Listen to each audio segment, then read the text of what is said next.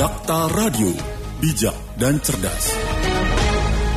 Rekan Dakta ada beberapa persyaratan yang harus rekan uh, penuhi jika ingin melakukan bepergian jarak jauh, salah satunya menggunakan kereta api. Dan seperti apa syarat jika naik kereta api di masa pandemi kali ini? Kami akan membahasnya bersama Vice President Public Relation KI Joni Martinus. Dakta Radio, bijak dan cerdas. Selamat pagi Pak Joni. Selamat pagi uh, Dakta Radio dan semua pendengar di mana pun berada. Salam sehat selalu dari kami. Salam sehat selalu ya. Pak Joni, syarat apa yang harus penuhi oleh masyarakat jika ingin menggunakan moda transportasi kereta api ini?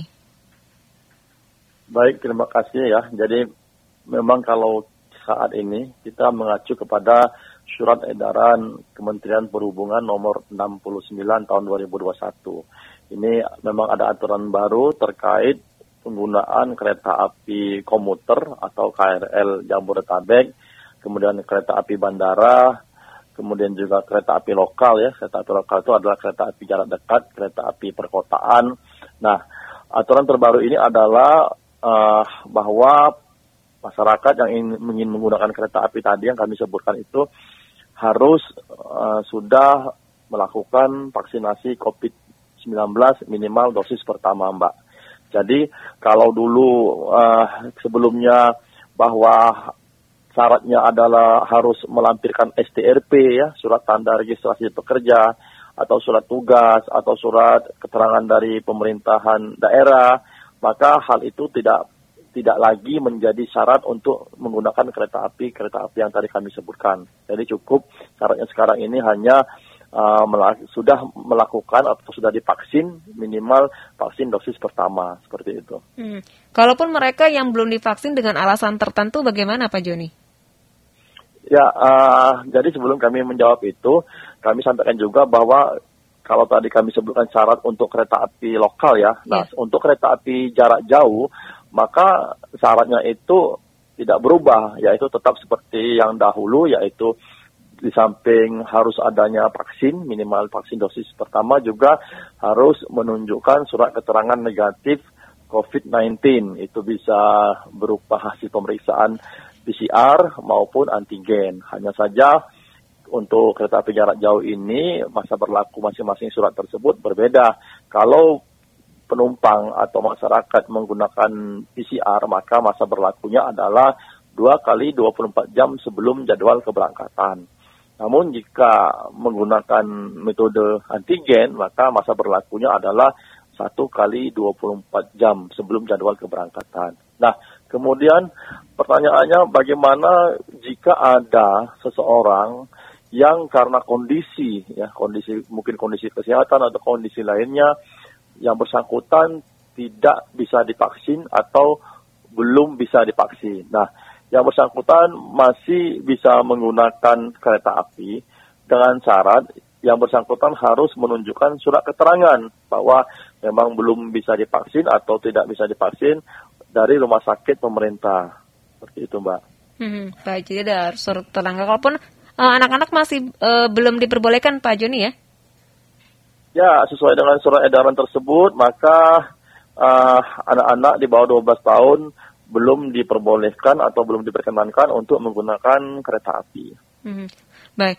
Nah, untuk uh, vaksin, bukti vaksin ini bisa dicetak ataupun secara digital dan nanti diperlihatkan kepada petugas, Pak Joni ya? Ya, jadi uh, sertifikat vaksin itu ya, pertama uh, tentu bisa kita akses dengan peduli lindungi. Maka dari itu kami mengimbau pada pengguna kereta api untuk um, mengupload atau menginstal uh, aplikasi peduli lindungi. Itu yang itu yang pertama yang bisa kita cek data vaksin tersebut.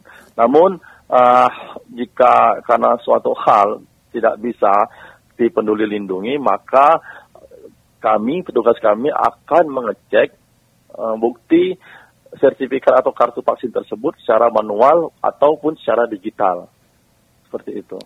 Iya, baik. Lalu kalau untuk uh, prokesnya selama uh, ketika mereka masih ada di stasiun lalu berada di kereta dan setelah mereka turun bagaimana ini, Pak Joni?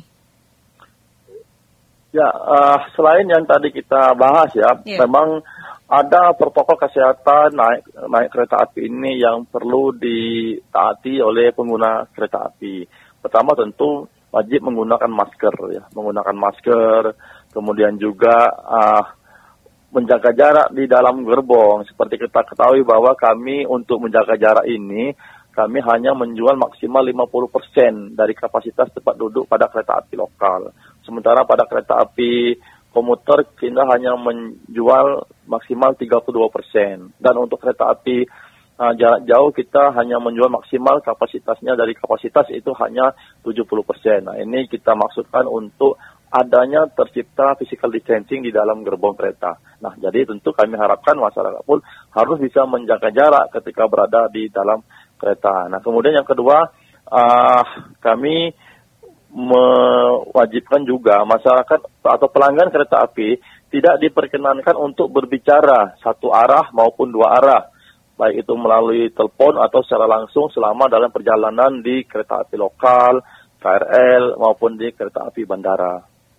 Baik. Seperti itu Mbak, uh, protokol-protokol yang kita lakukan di samping itu juga tentu uh, kami sarankan untuk membawa hand sanitizer ya, kemudian mencuci tangan di tempat-tempat yang telah kami sediakan di stasiun kemudian juga mematuhi marka-marka yang sudah kami buat seperti marka di ruang tunggu dan marka antrian seperti itu. Baik, jadi semuanya tetap uh, terjaga ya, Pak Joni ya? Iya betul sekali. Baik, himbau untuk masyarakat yang akan bepergian silakan Pak Joni. Ya, himbauan kami tentu yang pertama pastikan masyarakat mematuhi protokol kesehatan yang kami tetapkan tadi ya. Kedua pastikan bahwa sebelum berpergian itu kondisi harus sehat. Jadi tidak menderita flu, tidak menderita pilek, batuk atau hilang penciuman. Dan petugas kami pun nanti akan mengecek suhu tubuh tidak boleh lebih dari 37,3 derajat Celcius. Jadi himbauan kami, mari kita sama-sama menggunakan kereta modal transportasi kereta api ini dengan menerapkan protokol kesehatan yang ketat sehingga tercipta moda angkutan yang aman, sehat dan nyaman. Baik. Terima kasih Pak Joni sudah berbagi informasi bersama Radio Dakta. Salam sehat selalu, selamat pagi. Selamat pagi, salam sehat selalu. Dakta Radio, bijak dan cerdas. Demikian perbincangan kami bersama Vice President Public Relation KI Jody Martinus.